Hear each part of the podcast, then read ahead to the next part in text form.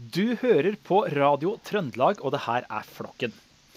Denne sommeren her så tar vi en prat med folk som vi synes er interessante, som vi tror at du også vil finne det interessant å høre på. Og før vi tar på dagens gjest, og det er en gjest som jeg tror de aller, aller fleste har et forhold til uten helt å vite det, så skal vi bare hente inn det faste panelet. Geir Haugen Wikan, alt vel? Alt er vel. Det er bra. Du, er det, Vi skal komme litt innom fotball i dag. Hvordan er det å se Rosenborg i gang igjen? Eh, altså, jeg gleder meg jo utrolig mye. Og så eh, ja Jeg tenkte på det at jeg må jo være tidenes dårligste fotballekspert. For jeg tippa jo her i en, eh, en episode tidligere at Bodø-Glimt sikkert kom til å være omtrent i bunnen i år, siden han var så god i fjor. Ja. Jeg tippa at Kristoffer Sakariassen skulle bli toppskårer for Rosenborg. Nå er han jo på en måte, så han klarte å få seg et mål i forrige kamp. Ja. Og Nei, jeg vet ikke hva. Dere gir jeg opp. Ja, Det må sies at eh, når den her eh, spilles inn, så er det rett etter Stabæk-kampen. Eh, Så da vet dere sånn cirka hvordan vi ligger i, i tidslinja. Ikke gått så bra til nå, men har begynt å hente seg litt inn. Apropos fotball, Erik Trulte Kleven. Alt vel? Alt er vel her, vet du. Det har jo gått bedre med Rosenborg de siste kampene også, etter Henriksen tok over. Ja, det er jo der vi er akkurat nå. Henriksen har vel hatt to kamper, og det ser fint ut. Så Tre. det. Og fotball er det vi skal snakke om i dag. For vet du hva, Erik, jeg skal bare sende over til deg, for du, du skal lede i dag. Eh, og det er fotballrelatert, så vær så god, Erik. Ja, det vel relatert eh, til litt forskjellig, men eh, gjesten vår i dag er jo da Johan Fasting. og han er serieskaper av serien, TV-serien Heimebane. eh, som jo kanskje er en av de mest sette og omtalte norske seriene i senere tid. Om jeg ikke tar feil, så vant Heimebane fem Gullruten i 2018 og fire Gullruten i 2019. Og bak denne serien så står jo da Johan Fasting, eh, som da også vant gullrute for eh, beste manus og da beste TV-drama. Eh, god dag til deg, Johan. Jo, takk for det. Hyggelig, hyggelig å være her. Ja. Så fint. Eh, hvordan er sommeren? Sommeren er helt, helt topp, den inntil videre. Jeg sitter her på en sånn hytte, hyttested i Oslofjorden og håper at nettet holder samtalen gjennom. ja, det vi får håpe. Jeg regner med det. Det er vel godt utbygd nede her, ikke sant? Jo da, det er uh, sats på at Telenor har klart å diske opp med mobilt bredbånd som uh, overlever. Mm. Eh, ja, så du eh, har altså vært med og Du har, du har skapt eh, serien Heimebane som gikk på NRK sammen med, sammen med din kone. Mm. Katrine. Eh, Vil, Vilje, vil, Vilje Katrine. Mm. Vil, Katrine, beklager. Eh, kan du fortelle eh, litt om det? Hvordan var det å, lage, å jobbe så tett med kona si? Nei, for oss er jo det egentlig helt, helt topp. Vi har jo alltid Vi ble jo kjent og møtte hverandre da vi studerte film. Så vi har på en måte alltid, alltid jobbet sammen egentlig før vi ble sammen. Så for oss er det ganske, ganske naturlig. Og vi har veldig lik smak og kjenner hverandre godt og vil de samme tingene. Så det er, det er sjelden man finner den typen samarbeidspartnere. Så vi bare holder fast ved det og uh, kjører på så langt det rekker, vi. Og så har vi det gøy og koser oss med både å jobbe sammen og, og være sammen. Så det, det er kanskje ikke for alle, alle Det er ikke alle ekte, ektepar som skal inn i den type samarbeid, men for oss så funker det fint. ja, hva tror du, Geir eh, og Anders? Ville dere eh, ha Hadde det funka å jobbe tett sammen med, med, med kona? Jeg vet ikke hva jeg skal svare på det. Hører La oss si ja. ja. her- skal jeg si at min mor og far jobba sammen i alle år. Eh, drev en liten bedrift sammen, de to. Eh, det gikk veldig bra. Eh, jeg tror min fru hadde tatt livet av meg hvis vi hadde jobba sammen. Så nei, vi hadde ikke klart det. Og jeg tror også vi har begge to har godt av å ikke jobbe sammen. Men ja, sånn er det. Det sier mer om meg, egentlig. Ja. Dere møttes altså under utdanninga. Hvilken utdanning er det du har, Johan? Eh, nei, jeg har, studert, film, eh, film og TV i gode, gode åtte år. Så det var liksom midtveis i min, min filmutdanning at jeg og Vilje havnet i samme klasse på det som heter Westerdals i Oslo. eh, Da vi studerte film der. Og så dro vi videre sammen til Filmskolen i Lillehammer og måte slutt, sluttførte utdanningen vår som henholdsvis manusforfatter og produsent. Um, hva var det som fikk deg til å satse på en karriere innenfor eh, manus og TV? da? Det en ganske usikker jobb, er ikke det? Det er litt sånn å følge drømmen, er det? Eller? Ja, det har jo vært uh, liksom lidenskapen siden, siden, barndommen. Så er man jo ja, heldig å vokse, vokse opp i privilegerte nok omgivelser til at man kan tillate seg å velge, velge den utdanningsretningen, og så satse, satse på at det går bra. Eh, så det er jo ja, en kombinasjon av mange, mange, ting sånn sett. Men det er jo bare ja, at jeg alltid har Film har alltid vært liksom det, det, beste jeg vet. Så da føltes det som uh, gøy, gøy, å prøve seg på, på, det.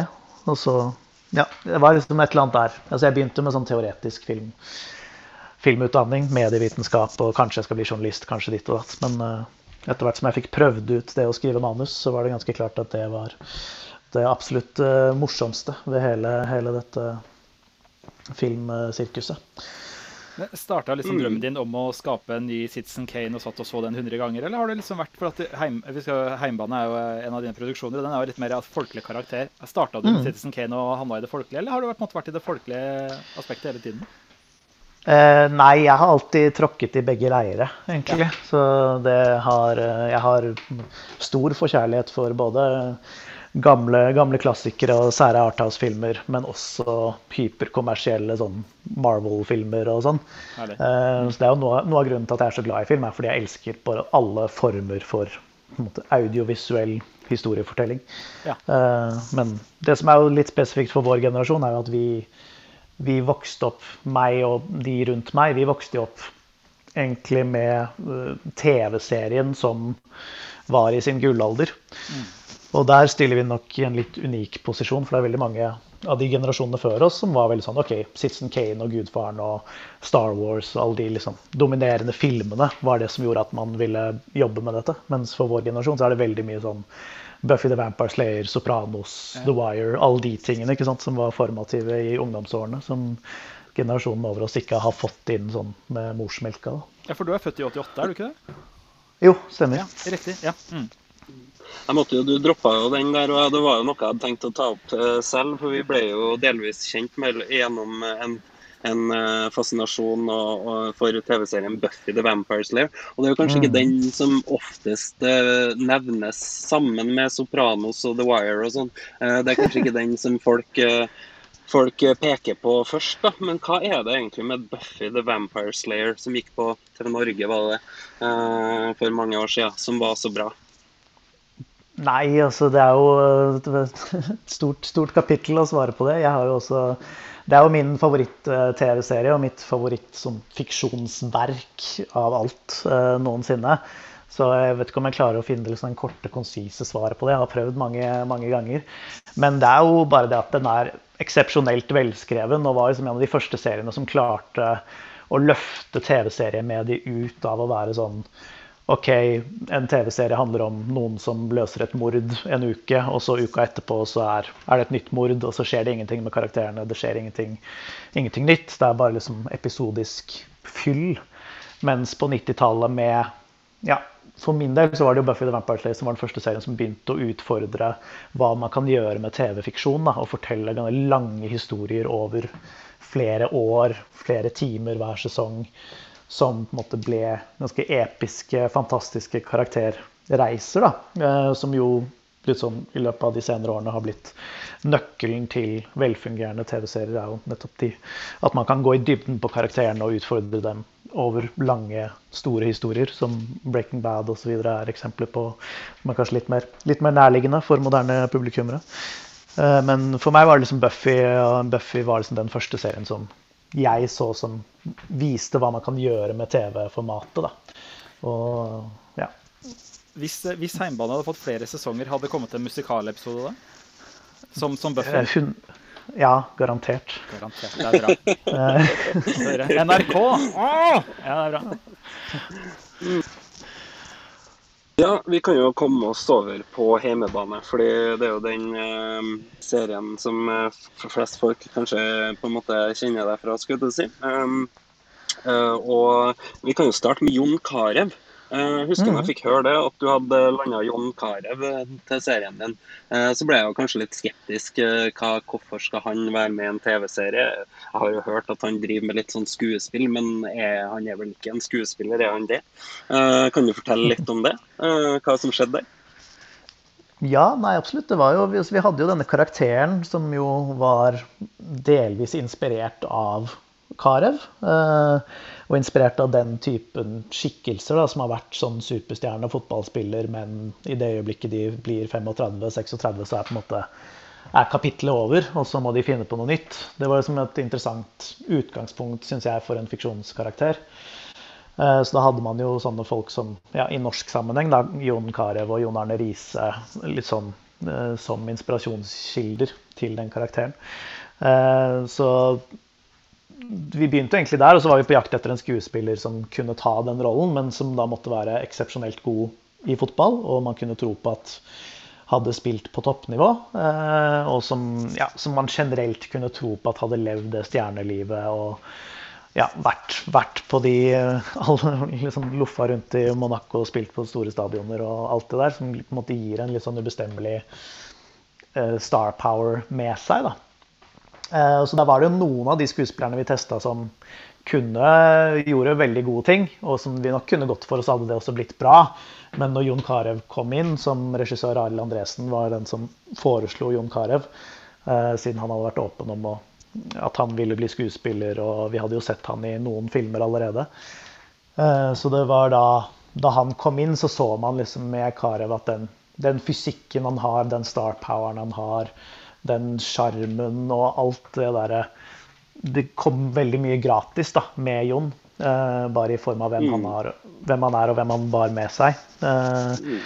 Og så var det bare et spørsmål egentlig, ok, men kan han levere det vi trenger på kamera? Kan han ta et manus kvelden i forveien og gå på sett og skyte tre, fire, fem sider manus og gjøre det proft, liksom? Eh, og det var jo en lang, lang runde på hvor måtte, Jon måtte gjennom en ganske heftig eh, castingprosess for å bevise at han for det første tok skuespillerfaget på alvor. At det var ikke sånn Å, jeg har lyst til å bli skuespiller fordi jeg må finne en annen måte å være kjendis på. Det var ikke det for Jon. Det var veldig tydelig at Jon hadde en sånn genuin lidenskap for uh, skuespillerfaget og hadde veldig lyst og store ambisjoner, men også masse ydmykhet. Da.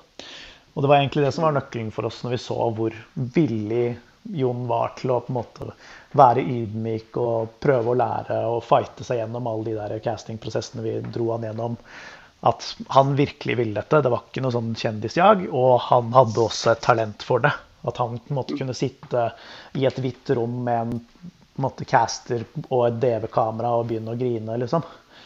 Mm. Uh, og vise den delen av seg selv med sitt eget følelsesliv og være sårbar, som var det vi tenkte at det kommer han jo ikke til å gidde å være på kamera, liksom, hvis han bare vil være kjendis. Men uh, han, uh, ja, han, ga, han, ga, alt. altså ikke noe, Hadde ikke noe behov for å være kul. Og da, da gikk, vi, gikk, vi, for det, rett og slett. Det var jeg veldig glad for. Mm, jeg husker jo, altså han, han, gjorde jo mine fordommer til skamme, og særlig i sesong to der så var det jo noen såre scener som hvor han virkelig virkelig pusha på noen knapper. Altså, så det var veldig gøy, egentlig. Hva syns mm. du, Geir? Klarte Jon Carew seg godt på TV? Ja, jeg var litt spent på forhånd hvordan det skulle fungere. fordi at, ja, som sagt, Han har jo ikke den skuespillerbakgrunnen, men samtidig syns jeg det også var ganske spennende. og En ting som ga meg lyst til å se på det. Og jeg syns han, han leverte godt, altså. Det syns jeg virkelig. Mm. Og så har du, og nå må vi over på hovedkarakteren. da, fordi vi, vi er jo her på Radio Trøndelag. Og, mm. og, og hovedkarakteren i Heimebane er altså trønderske eh, Helena. Eh, og den karakteren eh, var jo en som gikk rett hjem hos eh, ganske mange. Den eh, litt tøffe, snusende trønderen som skal slå seg opp og fram som fotballtrener i, i et mannsdominert miljø.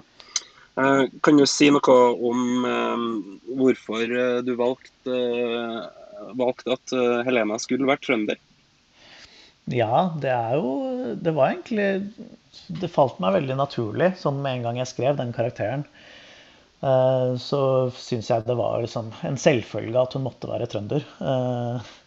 Og det var jo så mange grunner til det. Men det var første så var det liksom Ok, hun kommer fra kvinnefotballen, og så var det liksom den, det kvinnefotballaget jeg husker fra jeg vokste opp, var Trondheimsøren. Eh, så det var liksom den første første jeg kom på av sånn eh, kvinnefotballag. Uh, og så trodde jeg de var best, og så skjønte jeg at ja, nå er det har skjedd ting. At uh, Trondheimsøren var så dominerende nå. Uh, som, som, de var da jeg, da jeg, vokste opp. Men likevel, altså, liksom, det var der jeg begynte. Men så var det også noe med hele den der uh, trønderhistorikken til den karakteren som jeg følte at det ga veldig mye. At hun Det betyr da at hun har vokst opp i Trondheim. Hun har vokst opp i nærheten av Lerkendal. Hun har vokst opp sannsynligvis på og Lerkendal gjennom hele Nils Arne Eggen Champions League-eventyret. Og sett det. Hun har sett liksom et norsk lag gjøre det umulige mot, mot Milan og Real Madrid osv. Og, eh, og det ga meg mye i å skulle skrive den karakteren. Da, eh, og gi henne liksom en backstory man kan spille på. Og gjorde henne bare mer troverdig for meg. Eh, så jeg syns etter hvert at det ble veldig viktig at hun var, var trønder.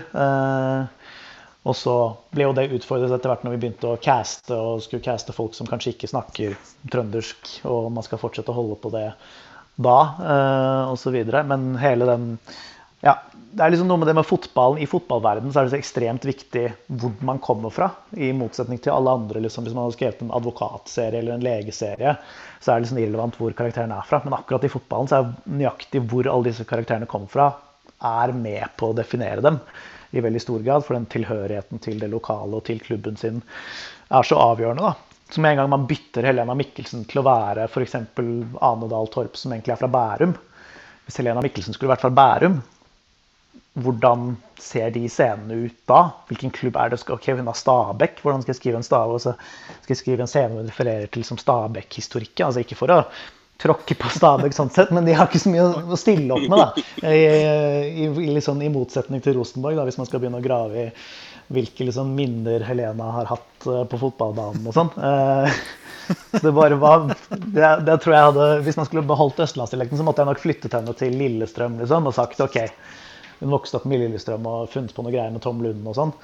Eh, men alt annet ble liksom mye svakere enn Rosenborg og Trondheim og Lerkendal. Og de tingene som også er veldig for folk som ikke er så interessert i fotball i Norge, så er det jo de tingene man kjenner til også. Det er referanser som man, Hun kan snakke om Nils Arne Eggen, og så vil folk vite hvem det er, selv om de ikke er interessert i fotball. Uh, hvis hun begynner å snakke om Tom Lund, så må man liksom Da er det man litt inn i et snevere sjikte. Men hvorfor ble det eh. Varg og utpå der? Altså Jævla Ålesund. Hvorfor ble det det? Eh, nei, det var jo bare altså I utgangspunktet så var det jo satt til en fiktiv norsk by. Eh, som kunne vært litt sånn hvor som helst. Eh, men det jeg visste, var at jeg ville ha liksom, en sånn liten by hvor fotballbanen var plassert liksom, som en kirke midt i sentrum. At det var i denne byen så er fotballen Stadion er kirken, på en måte. Eh, og at man vil, jeg ville ha også noe sånn arbeiderklasse, industri rundt, da, så man kunne bygge den bygda litt rundt. Så det var liksom de to tingene som var definert i manus. Og da når noen foreslo Ulsteinvik, og vi dro dit og så på Ulsteinvik, så falt jo alle disse tingene veldig fort på plass. Og det ble veldig tydelig at Hødvold og verftsindustrien eh, i Ulsteinvik kan løfte denne serien enormt mange hakk. Da. Eh, så det var ganske fort gjort med en gang vi så, så Ulsteinvik og møtte de folka i Hødd og sånn som var superhyggelige og superbehjelpelige og veldig, veldig fine folk. For Man forsto jo virkelig hvor viktig dette laget her var for det nærmiljøet i serien. Sånn som her, en scene, Det er en scene hvor hun er på puben, her, og så begynner alle å synge. Er det ikke det som er en scene, hvis jeg husker riktig? Som er en sånn scene. Og de skal begynne å synge, og så fungerer det som søren. For det er så mye følelser og så mye Det er, det er rundt her aksepten av henne. ikke sant? For det mm. ble sånn her, Du husker den var så sterk, for det ble sånn her, Det var et eller annet litt vanskelig å sette ord på truende, forsonende Man visste ikke helt, og det fungerte utrolig godt. Man forsto liksom på en måte ikke desperasjonen, men altså i Dette her er laget vårt, ikke kødd med det. Mm. Veldig sterkt. Ja. ja. det er jo noe av det som er interessant med den der lokale, lokale tilhørigheten i fotballverdenen. At det står så sterkt hos, hos alle. Og mm. I det øyeblikket Ja, på dialekten til karakteren. Og man skjønner det veldig godt når du ikke er Du er ikke en del. At du har ikke tilhørighet til denne klubben, til dette laget. Det blir veldig tydelig. Da. Det er veldig mange måter man kan gjøre det tydelig på. Og for Helena så er jo det veldig vondt, for hun har jo også gjennom sitt kjønn ikke noe tilhørighet til sporten, sånn de ser det. ikke sant? Så det blir en dobbelt, dobbelt opp med ting hun må deale med. Mm. Mm. Ja, det her med liksom geografisk identitet er jo selvsagt uh, eksepsjonelt viktig innenfor fotballen. Men jeg føler også at det er veldig viktig på norsk TV og for norske TV-seere. Og liksom når jeg hørte om Heimebane første gang, så likte jeg veldig godt at, at tittelen var på nynorsk, og det dro med en gang litt sånn eh, minner tilbake til den der serien Himmelblå. Ikke at eh, serien, seriene nødvendigvis ligner, men det er noe med den der romantiseringa av den norske bygda ikke sant? Og som, som treffer veldig ofte da, eh, hos det norske publikummet.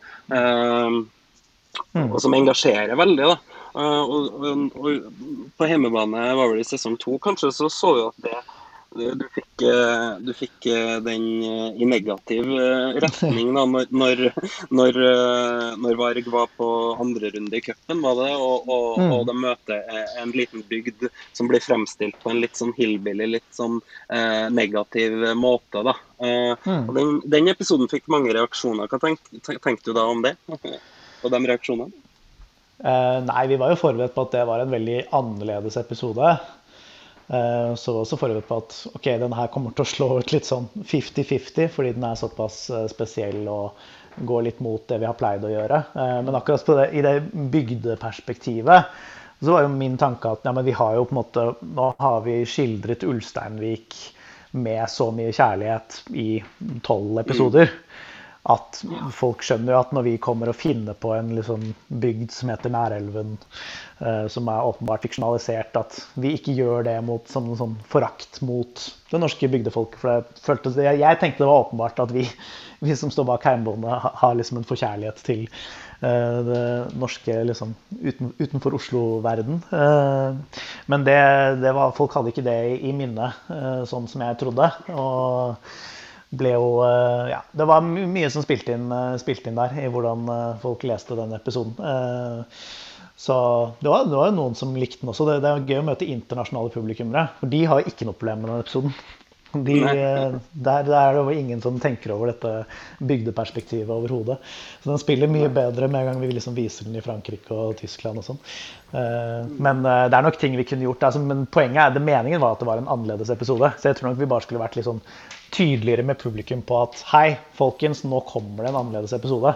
Mm. At den er jo egentlig designet fra manusstadiet som en, en skrekkfilm. Eh, ja, at de liksom er på busstur ute i skogen, og så går de til helvete, liksom. Eh, og at liksom, Det er ikke meningen at man skal ta den episoden så seriøst, men folk tok, på det tidspunktet tok folk Heimbane mye mer seriøst enn jeg egentlig hadde tenkt at de skulle gjøre.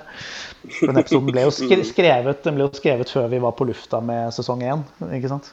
Mm. Så jeg visste jo ikke helt hvordan folk kom til å ta heimbane. Jeg syns heimbane var litt sånn uh, Ja, at vi var liksom fjollete ofte og gjorde mye rart og useriøst. Og at det var liksom Vi hadde etablert at det, det, kunne man gjøre i hjemmebane.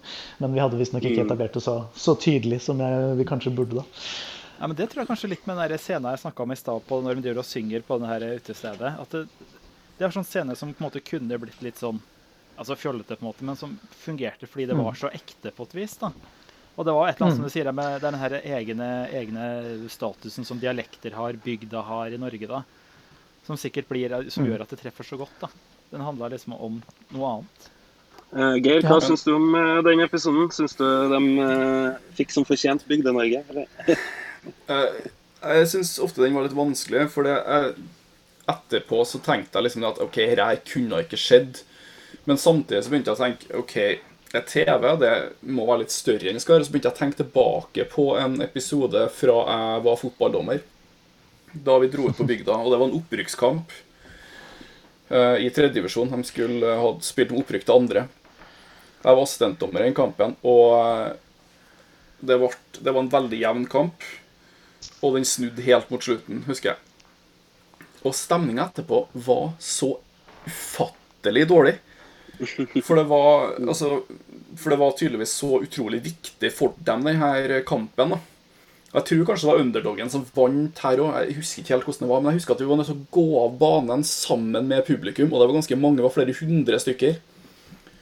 Burde egentlig vært satt opp annerledes. Og altså, vi var nesten redd for å bli slått, altså.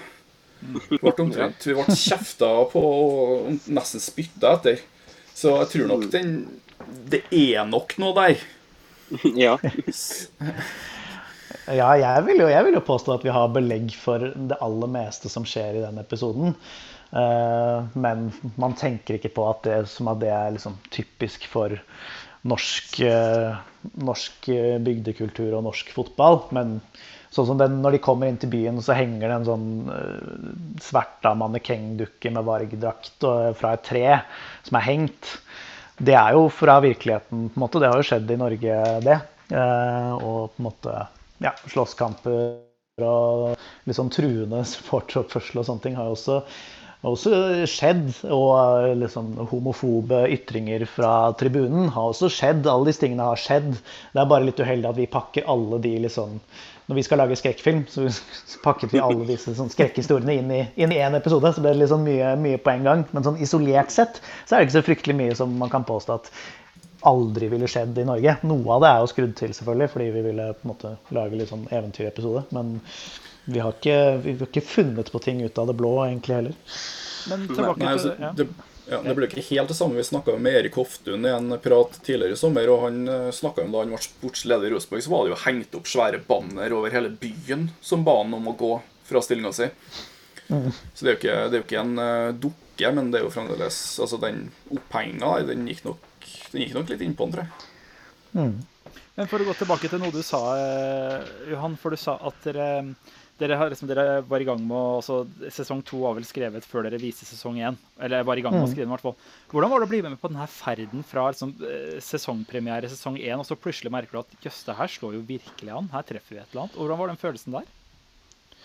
Nei, det var jo bare, bare gøy, det, egentlig. Altså, man hadde jo et, det er jo skrevet, det er jo designet for å være nå bredt og være, være kommersielt. Så det er jo altså når dere nevner himmelblå tidligere, så er jo det på en måte ja, en sånn samme type målgruppe vi var på jakt etter. da, At heimbane er ment for å kunne bli sett av både 12-13-åringer og 50-60-70-åringer. liksom. Mm. Så vi har tatt en del grep for å prøve å nå, nå bredt.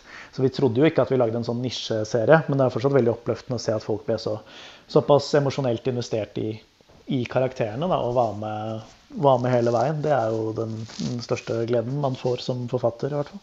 Absolutt. Så ble det jo ikke noe sesong tre av Heimebane på NRK i denne omgangen, i hvert fall. Og vi har jo sett igjen nå, bl.a. med denne serien 'Kongen av Gulset', hvor det er veldig fine to første sesonger, og så blir det ingen sesong tre, eh, som kunne ha vært med å kanskje avrunde serien. Hva syns dere, Geir og Anders, er det surt når TV-serier stopper før de er ferdig? Det er helt forferdelig.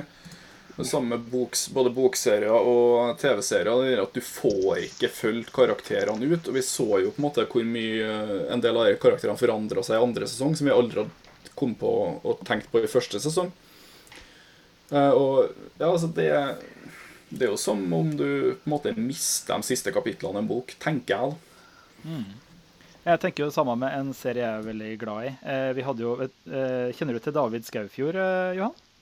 Ja, det gjør jeg. Ja, eh, Han har vært gjest her tidligere denne sommeren, her, og han har lagd en av mine favorittserier, BMI. Ja. Som også var sånn serie jeg tenkte her må jo altså For det første så NRK markedsførte det jo ikke, så det nådde jo ikke ut. Og så for det andre så sa de stopp etter første sesongen. Men det var sånn, sånn serie jeg tenker herregud, her, har dere, her er det bare å bygge videre for NRK sin del. Og samme med Kongen av Gulset. da. Men hva, hva, hva er det som spiller inn i en sånn ting sånn som for Heimbanen også? Her har du da en kjempesuksess i to sesonger, og så Nei, det var det? Altså, Hva er det som spiller inn i en sånn prosess? Nei, altså det er jo flere ting, da, men det er jo litt den verden vi lever i nå. Eh, Så du ser jo Netflix også jobber jo litt på den måten at de har sine flaggskip som får gå flere sesonger, mens alt annet er Det er to sesonger, og så er det ferdig. Og så må de ha en eller annen ny, ny tittel ut for å få liksom en ny snakkis eller nye, nye hits eller nye subscribers. Uh, og det er litt det samme NRK tenker, bare ikke, ikke på en sånn kommersiell, kommersiell liksom, uh, tankegang, men at de sånn de forklarte det til oss, da, så vil de heller bruke pengene på å eh, lage nye titler, eh, generere ja, Gi sjanser til nye forfattere, nye talenter, enn å la på en måte ting dure på i sesong etter sesong etter sesong. Mm. Eh, var noe av forklaringen som blir gitt til oss. da. Og så er jo det liksom, ja, NRK sin politikk og hvordan de skal forvalte lisenspengene, er jo stadig, stadig i endring. Så det er jo ikke nødvendigvis det er en sannhet sannhet lenger, men det er nok en tendens for liksom, den moderne TV-serieverden at du har, du har, to sesonger, og så ja, trenger man en eller annen ny tittel, eh, ja. egentlig. At det det, de får ikke noe igjen for å la ting holde på sesong etter sesong som det de får igjen for å få liksom, en ny tittel som folk kan liksom, klikke seg inn på, eh, virker det som. Sånn. Gjør det noe med liksom, måten du tenker manus på, sånn, eller betyr det at du tenker mer sånn OK, hvis jeg skal skrive en ny TV-serie nå, så må jeg tenke den som to sesonger, eller? Ja, eh, jeg håper jo dette her er i endring, da, men det, liksom foreløpig så vet man ikke. Så foreløpig så er jo det sånn jeg jobber i den norske bransjen, i hvert fall. Så tenker jeg alltid ja, men da designer jeg dette til å vare to sesonger. For det, jo, det gjør jo vondt med heimebane. Heimebane er jo designet for å gå i fire sesonger. Jeg har liksom fire sesonger planlagt av heimebane. Det er liksom irriterende å ikke få eh, gjort det ferdig. Og hvis man vet det fra start, så begynner man jo å tenke annerledes. Uh, så jeg har jo jeg har en, liksom noen TV-serieideer som er mer sånn i, som er designet for å kunne gå mange sesonger. Uh, og det er ikke det jeg jobber med nå, måte, som jeg prøver å De vil jeg liksom ventet med å pitche til jeg føler at det finnes et sted hvor jeg kan få liksom skrevet noe i fem, seks, syv sesonger. Eh, ellers så ja, må man tenke litt mer litt kortere og mer konsist. At det er mer sånn film, filmideer som ja, varer, i, varer, i, åtte timer. Ja. Det er liksom det, det er sånn moderne TV. Men når du sitter og skriver, eller dere sitter og skriver, eh, skriverommet sitter og skriver en sånn serie, så regner jeg med at du får, må jo få et, et nært forhold til karakterene du skriver.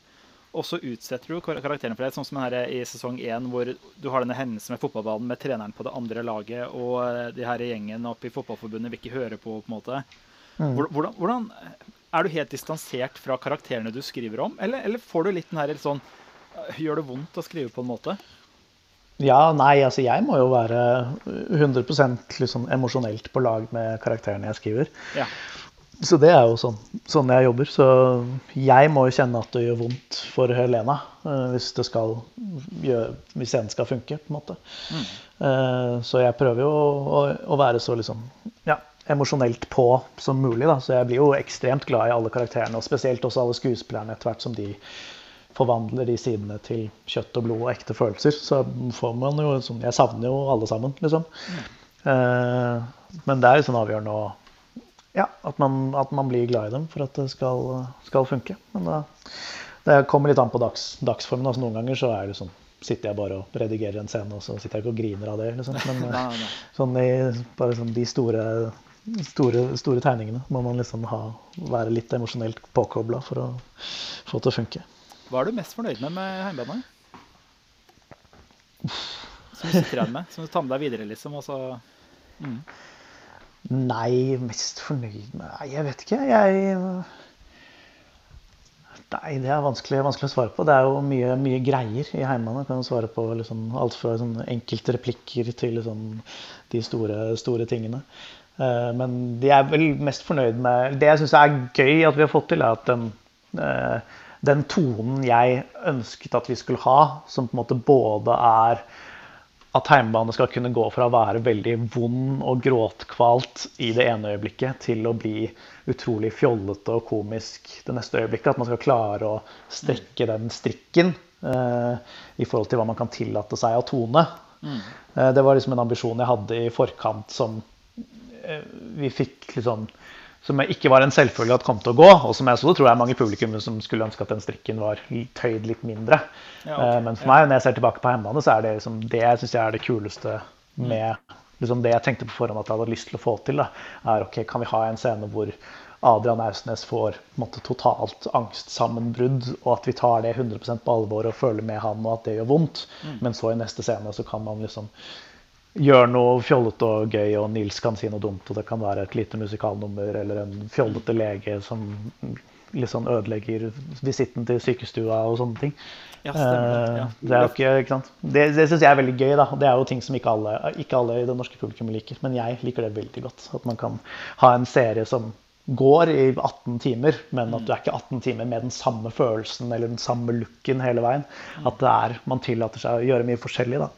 Og igjen, det kommer tilbake til Buffy, for det var det Buffy var så dyktig på i sin tid. Å kunne gjøre akkurat de tingene. Du, da vi snakka med David Skaufjord, så sa han at dere, han, de lærte seg å lage TV med den serien. på en måte, Sånn at dere, du merker det på episode, episode 1 og på episode 2, og så i episode 3 så faller det på plass. Han foreslo start på episode 3. Er, er det noe du ville gjort eh, annerledes i Heimbanen nå i ettertid, hvor du tenker at OK, kanskje vi, ikke, kanskje vi skulle gjort sånn eller sånn og sånn? Er det noe du har tenkt på i ettertid? Ikke sånn at du angrer på det, men du tenker at det, det kunne vi gjort annerledes? Eh, Ja, jeg er for så vidt enig med, enig med Skaufjord i det. At man trenger noen episoder på å finne, finne formen. Så jeg føler jo Heimebane, sånn, den, den versjonen av Heimebane som jeg ville lage, eh, kom sånn på slutten av episode fire, egentlig. Med det musikalnummeret som dere har snakket litt om, hvor de synger den låta til henne i klubbhuset. Og neste episode er den kampen mot Ålesund og sånn. Da føler jeg liksom, OK, nå landet vi på den det, det jeg ønsket meg at det skulle være, da, som er litt mer sånn opphøyd, opphøyd fiksjon. For de første tre episodene er veldig, veldig opphengt i at vi skal uh, for, forklare det norske folk at dette er ekte. Ja. Det var en, en stor utfordring. er liksom, Ja, Jon Carew er skuespiller. Ja, Varg er et lag som fins. De er i Eliteserien. Eliteserien er ekte, der er det ekte lag. Men Varg er et fiktivt lag. Ulsteinvik er en ekte by. Men i Ulsteinvik så er ikke noe hødd. Det er et lag som heter Varg. Helena Mikkelsen er Arendal-Torp. Hun er trønder! Hun snakker trøndersk. Altså alle de tingene.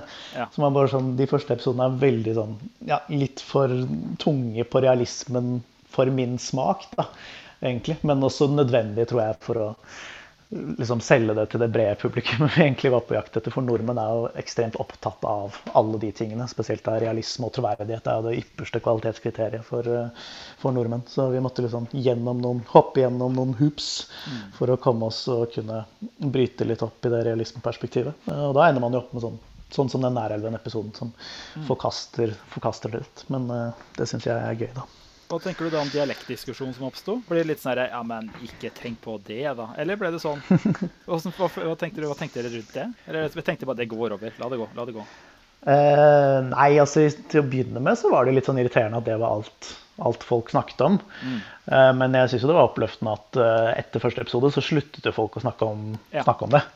Eh, og så følte jeg at de ja, Ane vant igjennom på en måte, eh, med den dialekten. Men det er morsommere å høre fra trønderne i studio egentlig hva, hva de tenkte om det. Men min, min opplevelse er at det ofte ikke var trøndere som hadde problemer med at hun snakket den dialekten. Det var ofte østlendinger Ja. som syntes at den var veldig dårlig, den dialekten, og veldig urealistisk.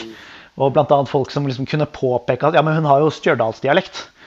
Eh, og men, men hvis du hører at den dialekten er fra Stjørdal, da har hun jo gjort noe riktig. fordi dialektcoachen hennes var også fra Stjørdal. Eller hvordan man uttaler det sikkert feil, beklager det. Men uh, Stjørdal. Stjørdal. Ja.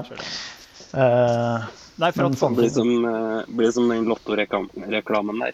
Verdalen. Ja, Verdalen. Verdalen. Verdalen. Geir, hva syns du? Var godkjent trøndersk? Altså, Trøndersk er jo så mye, og jeg tenkte aldri over at det var noe dårlig. Og, altså, Spennet mellom f.eks. Stjørdal og lenger nord og, og Trondheim er så stort likevel at det er så mye som går inn under det. altså.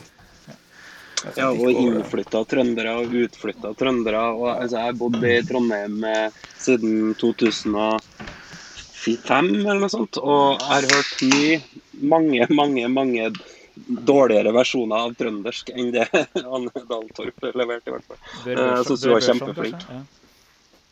Yes, jeg hadde et, eh, en interessant artikkel som var i Dagbladet bare tidligere i år eller i, i fjor. Eh, Så var det han eh, Anders Danielsen Lie. Mm. Eh, Ja. Som hadde en eh, uttalelse i Dagbladet, eller en kronikk, eller hva man skal kalle det, hvor han på en måte beskriver det han mener er problemet med norsk TV-produksjon. Og, og han sier jo, eller legger det jo fram litt sånn som at uh, det ikke legges til rette for skikkelig manusarbeid uh, i norsk TV. Og du som har vunnet pris for beste manus, uh, Gullruten, du må jo være den retten til å spørre om det her. Er det, er det et problem med norsk TV? Legges det ikke til rette for, for godt manusarbeid? Eh, det er jo altså Hva skal man si? Altså, jeg, altså, Anders Danielsen Lie har jo rett i at det vil alltid være kjempebra om vi har uendelig med tid og uendelig med penger til å gjøre manusene perfekte før vi går i opptak. Det hadde alle likt, eh, og hadde vært bra for alle produksjoner. Men det er jo i hovedsak et spørsmål om økonomi og tid, egentlig. Eh, og der på en måte økonomien og tiden er, den satt i de aller fleste tilfeller, for det er en sånn gigaindustri som skal ha vi, vi må ha en serie på ti episoder på lufta i februar. Eh, og så noe må inn der, og da må den gå i opptak i mars året før. Og da må de manusene være ferdig til februar året før. Og da har noen tre måneder på seg til å skrive de manusene. Og det er ikke noe sånn at hvis de manusene man føler at man ikke har naila manusene helt, så er det ingen som har råd til å stoppe den produksjonen og utsette noe innspilling for å gjøre ferdig manusene. Ingen som har makten til å si til kanalen sånn Nå venter dere seks måneder med å få denne serien dere har bestilt på lufta. Eh, det går I filmverden så er man litt friere til å gjøre, gjøre det, eh, som jo også Anders Danielsen har jobbet litt i. Eh, så liksom Joakim Trier, f.eks., som Anders Danielsen Lie jobber med, kan nok gjøre det med filmene sine. Hvis han føler at manus ikke stemmer, så kan han stoppe innspilling og liksom sette seg ned og fikse det, og så går det ikke i opptak før det er liksom perfekt. Eh, men ja, i TV-industrien, som man i denne sammenhengen må kalle det, så er det ikke et realistisk scenario at man kan få til det. Eh, og det er det heller ikke noe sted i verden, for det er sånn TV funker. Det er et tog liksom som går, og det skal være noen av premiere hver høst.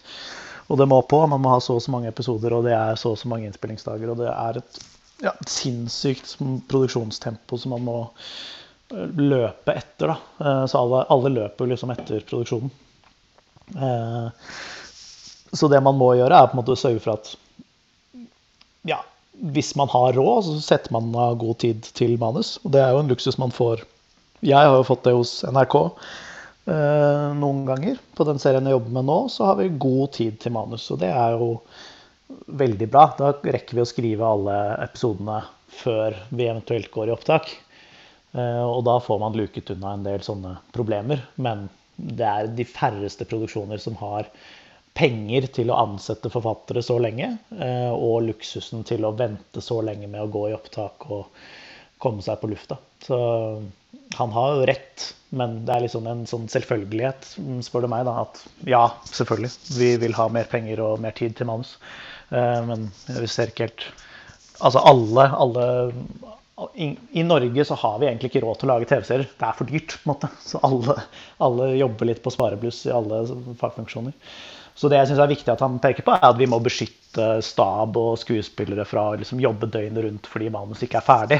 Det er veldig viktig for meg på hjemmebane. At jeg ikke som sender folk manus ti på seks på morgenen og sier nå skal dere skyte dette i dag. At folk får tid til å forberede seg og ikke må jobbe overtid og sånn. Det er veldig viktig for meg. Men uh, så må man liksom bare stole på at man klarer å komme seg gjennom. Så håpe på det beste, egentlig.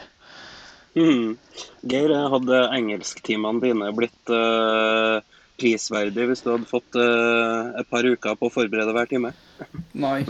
Mister fire i orden. Nå er jeg spent på svaret ditt. Nei, men jeg syns du er inne på noe veldig viktig her òg. Det der med at Altså, hvor lang tid kan man ta? da? Sånn, alle i verden kunne sikkert ønske at de hadde bedre tid, men skulle si Selv da så er det jo begrensa hvor bra det nødvendigvis blir. Jeg tenker jo f.eks. på Game of Thrones. Eh, mm. Hvor mye det droppa i kvalitet altså etter at de gikk forbi bøkene. Og da hadde de jo flere år på seg til å skrive den siste sesongen. Ja. Nei, men det, er, ja, det, var mye rart som, rart som, skjedde der. Det høres det ut som de forfatterne fikk litt sånn, mista, mista litt interessen. og ville, liksom, ville hoppe over til noe De har fått en Star Wars-jobb som de vil hoppe over til, så de kutta, kutta ned i sesongen og diverse. Uh, men det er jo, det, Game of Thrones er et veldig særtilfelle, for der er det vanskelig for dem å de skriver det uten å vite om de får en slutt av George Martin eller ikke. Om de plutselig må finne på, så er det ikke deres karakterer, og de har ikke planlagt noe, så blir det, blir det litt sånn halvveis. Uh, det betyr i hvert fall ikke noe særegent norsk, da. Det er jo ikke et særegent norsk rulle. Nei, jeg tror ikke vi kommer til å dukke opp i den, eh, den settingen der i det nærmeste fremtid. Jeg har tenkt mer at eh, det med å på en måte ikke ha tida, altså at manus blir rusha på en måte, nei, det er tydeligvis ikke et særegent norsk problem. da, Det er jo noe vi ser i andre land. Ja.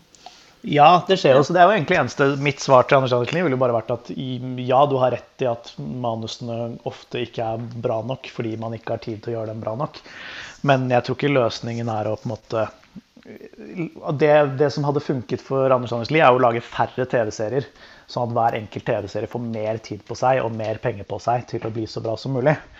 Uh, og det er ikke, Jeg syns det er veldig bra for den norske TV-bransjen at, at nå lages det veldig mye. At det er flere strømmetjenester og kanaler som alle lager TV-drama, uh, og som trenger, trenger, serier. Det er bra for, norske, for norske forfattere og norske serieskapere over hele linja. Og at måte, jeg tror heller vi må over den kneika, sånn at vi får folk som har masse erfaring og er proffe, som klarer å deale med det tidspresset og det å måtte skrive episoder fort og gæli. Eh, og fortsatt få det til å bli bra. Eh, det liksom et, liksom, det Amerikanerne de jobber jo like fort, de, liksom, men de er jo gjennomprofesjonaliserte og har jo de dyktigste folka i verden, så de klarer det ofte. Mens i Norge så har vi liksom ikke vi, vi har veldig få forfattere som har noe særlig TV-erfaring. Og liksom som, ja, å finne de å få utviklet den industrien som kan deale med TV-serieproduksjon på høyt nivå hele tiden uten at det blir sånn dårlig, eh, er jo Ja, det er vanskelig, da. Men jeg tror det er positivt for bransjen at det nå lages veldig mye ting. Selv om noe av det da av konsekvens er nødt til å bli ikke nødvendigvis vellykket. Mm.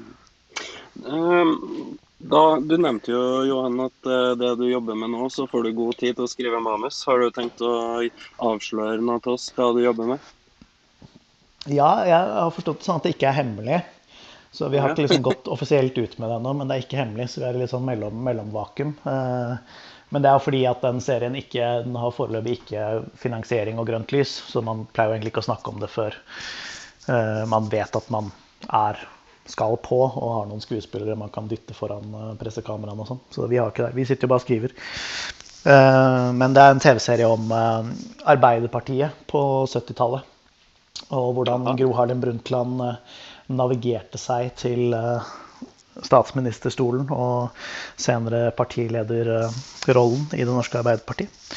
Mm, og ja, alt, alt maktspill og lekkasjene og ja, mye intriger i korridorene på Youngstorget som foregikk i den perioden der. Ja, da må vi vel begynne å avrunde praten med Johan. Men eh, før vi avslutter helt, da. Nå er det jo sommer. Mange har god tid til å se TV, og da lurer jeg jo på eh, Vi kan høre fra dere eh, alle i panelet. Hva er de beste tipsene dere har nå i sommer til TV-serier? Gammelt og nytt norsk og utenlandsk? Ja, altså hvis du har noe norsk, så er det fint. Og hvis det ikke er gammelt, så er det fint. Men det, det, det her er det fritt valg. Mm. Geir? Oh, det spørs vanskelig. Um, Skje hjemmebane. Oi, så bra. jeg, jeg, skal ta tips fra Geir og få, endelig få Trotama til å se Community. ja, Skje det virkelig gjør det. Mm. Eh, ja, ellers så er det jo litt sånn fantastisk. Ja, jeg, jeg, satt og tenkte på for at dere, liksom, hva er de sånn, norske dramaserier jeg virkelig husker. og det, Problemet er jo med NRK og hva de har lagt ut og sånne ting. da. Men sånn eh, 'Kampen for tilværelsen', hvis den ligger på HBO eller noe sånt. Vet ikke om den ligger tilgjengelig lenger. Eh, 'Dag' er jo en anbefaling. Eh, også eh, eh 'Koselig med peis' er en anbefaling. Men det spørs hva som er tilgjengelig, da, rett og slett. Men, mm, ja, det er en klassiker. 'Koselig med peis', ja. Vi hadde en prat med Christer Torjussen, eh, ja. broren til eh, og Det er en serie som eh, blåste meg av banen på hva, Apropos Dan, Anders mm. Danielsen. Ja, det... ja. Den er virkelig mm. ja. ja. Koselig med peis er jo det er en av, en av, grunnene til at jeg søkte meg inn på filmskolen. Fordi jeg syntes Koselig med peis var så bra og ville gå den samme utdanningen som de hadde gått. Fantastisk. Ja. Og du Johan, hva vil du anbefale? Uh, nei, hva skal jeg anbefale? Ja, det jeg ser på om dagen, er jo på Netflix så har de endelig uh, fått uh, lagt ut Neon Genesis Evangelion. Oi, oi, oi, oi. så det, det, vil være min anbefaling da, hvis man skal gå liksom dypt, dypt inn i japanske anime-klassikere. så for folk som liksom lurer på hva som er greia med det anime, ja. så er jo Neon, Neon, Genesis Evangelion et veldig, veldig gøy sted, sted, å begynne. Og du får litt sånn ja, kommet inn til hjertet av uh, gammel klassisk, klassisk, japansk kultur. Det anbefales hvis man liker sånn science fiction og roboter som slåss med romvesener og sånn. Eh, og eksistensiell angst og sånn kåte tenåringer. Alt det på en gang. Det liker jeg veldig godt. Så det vil være min anbefaling. Det er bra tips. Da skal vi kaste oss over Netflix. vi. Ja. Ja. Yes. Uh, tipset mitt må bli uh, eh, Det jeg ser på nå, er en eh, krimserie på HBO som heter Perry Mason, som tydeligvis er en gammel, kjent bokserie. Den er fin. Enormt bra lyssetting, fine karakterer, gode skuespillere all around. Så jeg vil anbefale den. Kjempebra. Du, det Yes. var, eh, da tror jeg vi er i mål. Ja, da får vi ha takk for praten, Johan. Det har vært kjempetrivelig. Og lykke Jo, nei, til videre med det du holder på med. Takk skal dere ha. Og til alle Også- dere som eh, hører på. Eh, hvis dere vil høre praten med Johan eller et av de tidligere intervjuene en gang til, så går dere inn på Spotify og søker på Flokken. Eller så går dere på Facebook og søker på Flokken. Så finner du det der enten Spotify eller i nettleseren din, hvor du kan høre det der. Og vi prekas neste uke.